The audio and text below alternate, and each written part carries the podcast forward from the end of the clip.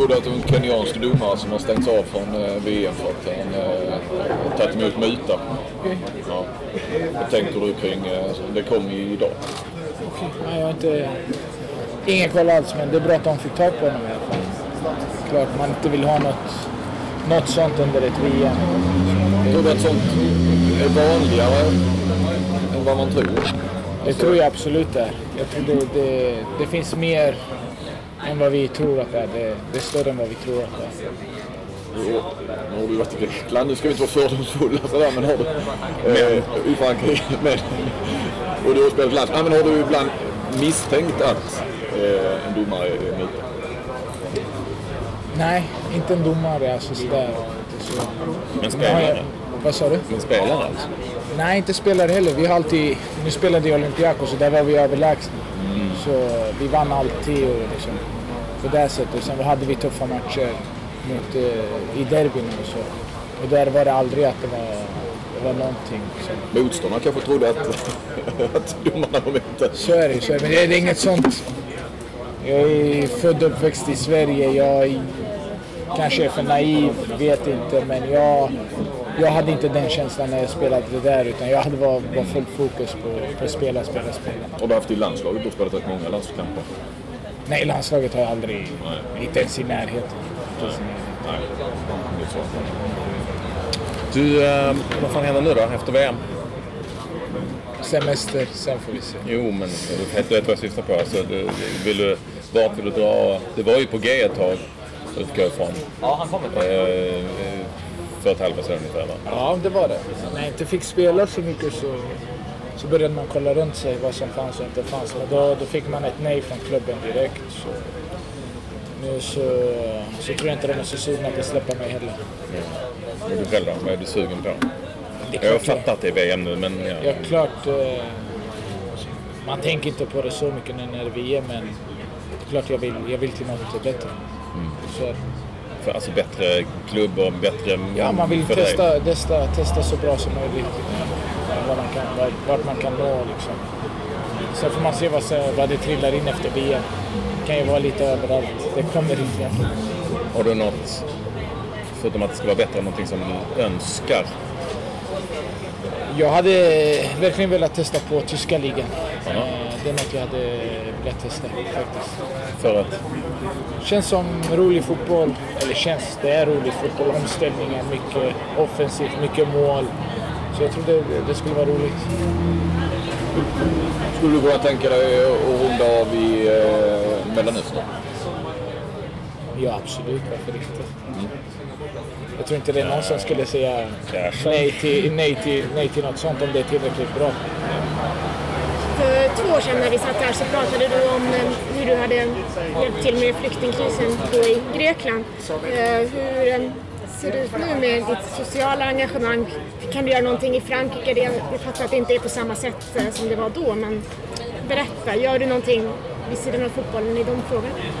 Inte just med, med flyktingar och flyktingbarn och sånt. Eh, Jag har väl mer jobbat tillsammans med locker room talk och engagerat mig i sådana såna frågor istället. Vad tycker du om deras arbete? Locker room är fantastiskt. fantastiskt. Två unga killar som eh, verkligen brinner för det och liksom, ha, som kommer med idéer som, som man inte tror ska komma från så unga killar. Så det är fantastiskt. Just den här kulturen som de beskriver med lite machokultur i omklädningsrum och så. Känner du igen den bilden? Ja, men så är det. Alla vet att det är så. Alla som har hållit på med, varit i ett omklädningsrum vet att det är så. Så det, det, det är kul att eh, man vill ändra på det och man gör det på rätt sätt tycker jag. Man går ut hårt i exakt hur det är. Man, gömmer inte orden, man liksom säger som det är. Vad, vad gör du för dem? Eller hur kan du hjälpa till? Nej, vi har ju, det är den eh, kampanjen vi gjorde en gång. Sen är jag alltid i samtal med dem. Eh, Är det något nytt som kommer nu håller vi på att spela. har spelat in eh, videos där jag pratar. I och med att jag inte kan vara med i utbildningsmötena och sånt så är jag med via video och sånt och hjälper till med frågor där. Vilket ansvar tycker du att ni landslagsspelare har när det kommer till språkbruk och jargong? jättestort. Eh, Vi är de största inom svensk fotboll så alla, all folk och alla kameror är riktade mot oss. Och jag själv vill föregå med ett grymt exempel och försöka göra det hela tiden. Och det tror jag alla ombord i, i landslaget också, även om det kan släppa lite ord här och där. Men när det är match och adrenalin och så. Eh, Men jag tycker vi, vi jobbar på bra här. Hur förändrar man det i ett omklädningsrum? För vi vet ju alla som har varit liksom i fotbollsomklädningsrum, jag tror både killar och tjejer faktiskt, att det är jargong som inte alltid är okej och man kan inte tänka sig för. Kan man begära att någon reser sig upp och säger nu skärper vi oss? Eller vad hur tycker du man ska få förändra det? Jag, alltså jag tycker det. Eh, Tycker inte jag det är okej så säger jag ifrån direkt. Du gör det alltså? Ja, men jag inte hade tyckt att det, något är okej liksom. Och lugna ner snacket. Ja. Ta det lugnt boys. Har det hänt att du har gjort det? Eh, nära? här i landslaget aldrig. Nej, men jag tänker klubblag. I klubblag, ja.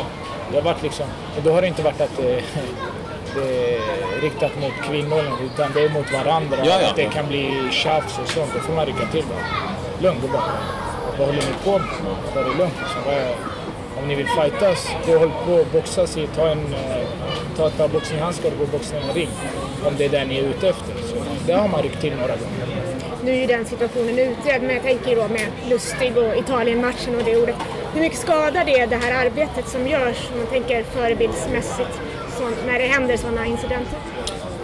Det är klart det skadar, men samtidigt så tycker jag Lustig gjorde det bra efteråt. Gick ut och bad om ursäkt eh, på ett fint sätt och förklarade varför det hände och, och jobbade på det väldigt bra. Liksom. Så på ett sätt är det dåligt att det hände, men på ett annat sätt är det bra att det hände för att folk ska förstå att det förekommer också eh, i, i, de, i den absoluta toppnivån. Eh, och sen får folk jobba på det också. Vad, vad säger du själv när du blir förbannad på fotbollsplanen? Tänker du på vad du säger? Nu mot senare åren så tänker jag absolut vad jag säger. Innan gjorde du inte alls. Eh, innan så var det, men det var aldrig så här äh, riktat mot någon utan det var mer, jag har alltid ett uttryck där jag säger fan. Det är mitt största, alltså på en plan. Det är alltid det jag säger. Det, jag vet inte. Men eh, svordom och sånt, inte så mycket. Men tycker du generellt att medvetandegraden kring de här frågorna har förändrats de senaste åren, eller är det mest för dig personligen som det har förändrats? Jag tror väl det är mest mig personligen även att jag är så insatt i Men man ser ingen sån förändring om du bara tittar till landslaget, att ni kanske pratar mer om de här frågorna eller så? Nej. Nej. Nej. Du kommer få ett styvt jobb när du hamnar i Tyskland, i omklädningsrummet. Inte för att jag vet exakt, men jag kan bara tänka mig. Jag har inte varit där, men jag kan tänka mig också att de är... Det känns inte som att de tänker på sånt där. Nej, det tror jag inte. Det tror jag inte. Det är som i Frankrike, jag kan inte språket så jag behöver inte lära mig Men tyska de orden kan du ju. Ja, de orden visste jag att du kunde. Nej, men de, de är lätta att lära sig om man säger så. De hör man hela tiden. Men har du upptäckt, om du har tagit upp det någon gång eller pratat med någon, det behöver inte vara att du har sagt till utan bara pratat med någon, har du upptäckt att du har, blivit, att du har fått en viss förståelse hos dina fotbollsspelande kollegor när du har eh, exempelvis engagerat dig i det här projektet? Här i landslaget har jag fått stor förståelse för det jag gör. De tycker det är jätte, jättebra det jag gör. Man har fått en klapp på axeln av vissa och liksom så. Ehm, I klubblaget så, så hänger de inte med så de, de vet inte vad jag håller på med Nej. på det sättet. Men i, eh, här så har det varit absolut bara positivt. Det har man fått Nej, nej, nej, nej. Även från ledare från eh, förbundet. Eh, Alla är jättetacksamma för det. Så så det är kul. Jimmy, på tal om... Ja, nu vet jag inte riktigt om den här övergången blir bra, men... Lycka till! Du skiter i det. Men ändå, jag tänkte på den mexikanska uppladdningen med, med 30 eh, eskortflickor i... Där. Ja, vad ska man säga? Det är Mexiko. Eller vad, vad ska man säga? Det är... Jag hade aldrig gjort det. Jag, jag hade aldrig gjort det. Speciellt när man är, man, man är i förhållande och gift och har barn och man vet att alla ögon är på dig. Liksom. Man får lite... Liksom, jag tycker inte absolut. Och sen att det är skottflickor, det, det är jag emot. Allt sånt är jag emot. Liksom. Det, det är bara fel. Det blir bara fel. Du får fråga kanske. Det hade inte hänt med svenska landslaget. Nej, det tror jag verkligen inte. Det tror jag verkligen inte. Ja, han lagkaptenen fick väl åka hem till sin fru nu och, och Okej. be om ursäkt då. Okej. Så han, de har rätt körigt kanske. Det samtalet skulle man ju vara med på. Eller inte. kan flyga grejer. Tror du att det stör dem? Laget? Absolut. absolut. Har man problem hemma så följer det med på planen tror jag också. Vad har du annars för matchförberedelser? Du som liksom matchdagen utför. Ja, det brukar väl vara ganska lugnt. Man brukar väl slå i- ihjäl många timmar på ett hotell innan. Eh, Så det brukar vi lugnt ta någon promenad, äter på bestämda tider och annars ta det lugnt. Och, Du ligger mest på rummet typ. ja, eh, kolla på datorn, mobilen och se någon, någon film. Eh, annars, ja. Jag bru- brukar vilja få komma ut eh, en gång i alla fall och röra på mig och känna lite sådär. Sen beror det på lite när matchen är. Om den är väldigt sent på kvällen då hittar man på lite mer på dagen. Men spelar man mitt på dagen så, blir det inte så mycket mer än, eh, än att äta och vila lite. Vad gör du annars då för att liksom undvika den här hotelldöden som du pratar om? Vad, vad har du för knep? Om du tänker nu på Ryssland, vad tar du med dig till? Eh, nej, men när det inte är matchdagar så brukar jag vilja hitta på saker hela tiden. Jag gillar inte att ligga på hotellrummet och, och slappa för mycket. Eh, så eh, om det finns någonting att hitta på, som idag när vi är lediga eftermiddag, så går jag gärna ner på stan och, och kollar runt lite och tar med mig någon spelare och umgås lite eller träffar någon annan kompis här. Men du tar inte med dig några böcker eller något sånt till Ryssland? Eh, jo, jag kommer nog ta med lite böcker och lite filmer och lite andra sätt att underhålla sig på. Lite poddar och spel och grejer. Så det, det blir man ganska duktig på att ta med sig saker som gör att du, du har saker att, att hitta på hela tiden. Varför böcker du tar med dig nu? Eh, ja, det, det jag vet inte än. Vi får, vi får se vad jag kan hitta, hitta på. Jag fick några i, i vintras där som inte jag har läst jag något. Vad är det för något? Ja, jag, jag har inte koll på det exakt just nu. Men, Men är det ja, jag tar med det.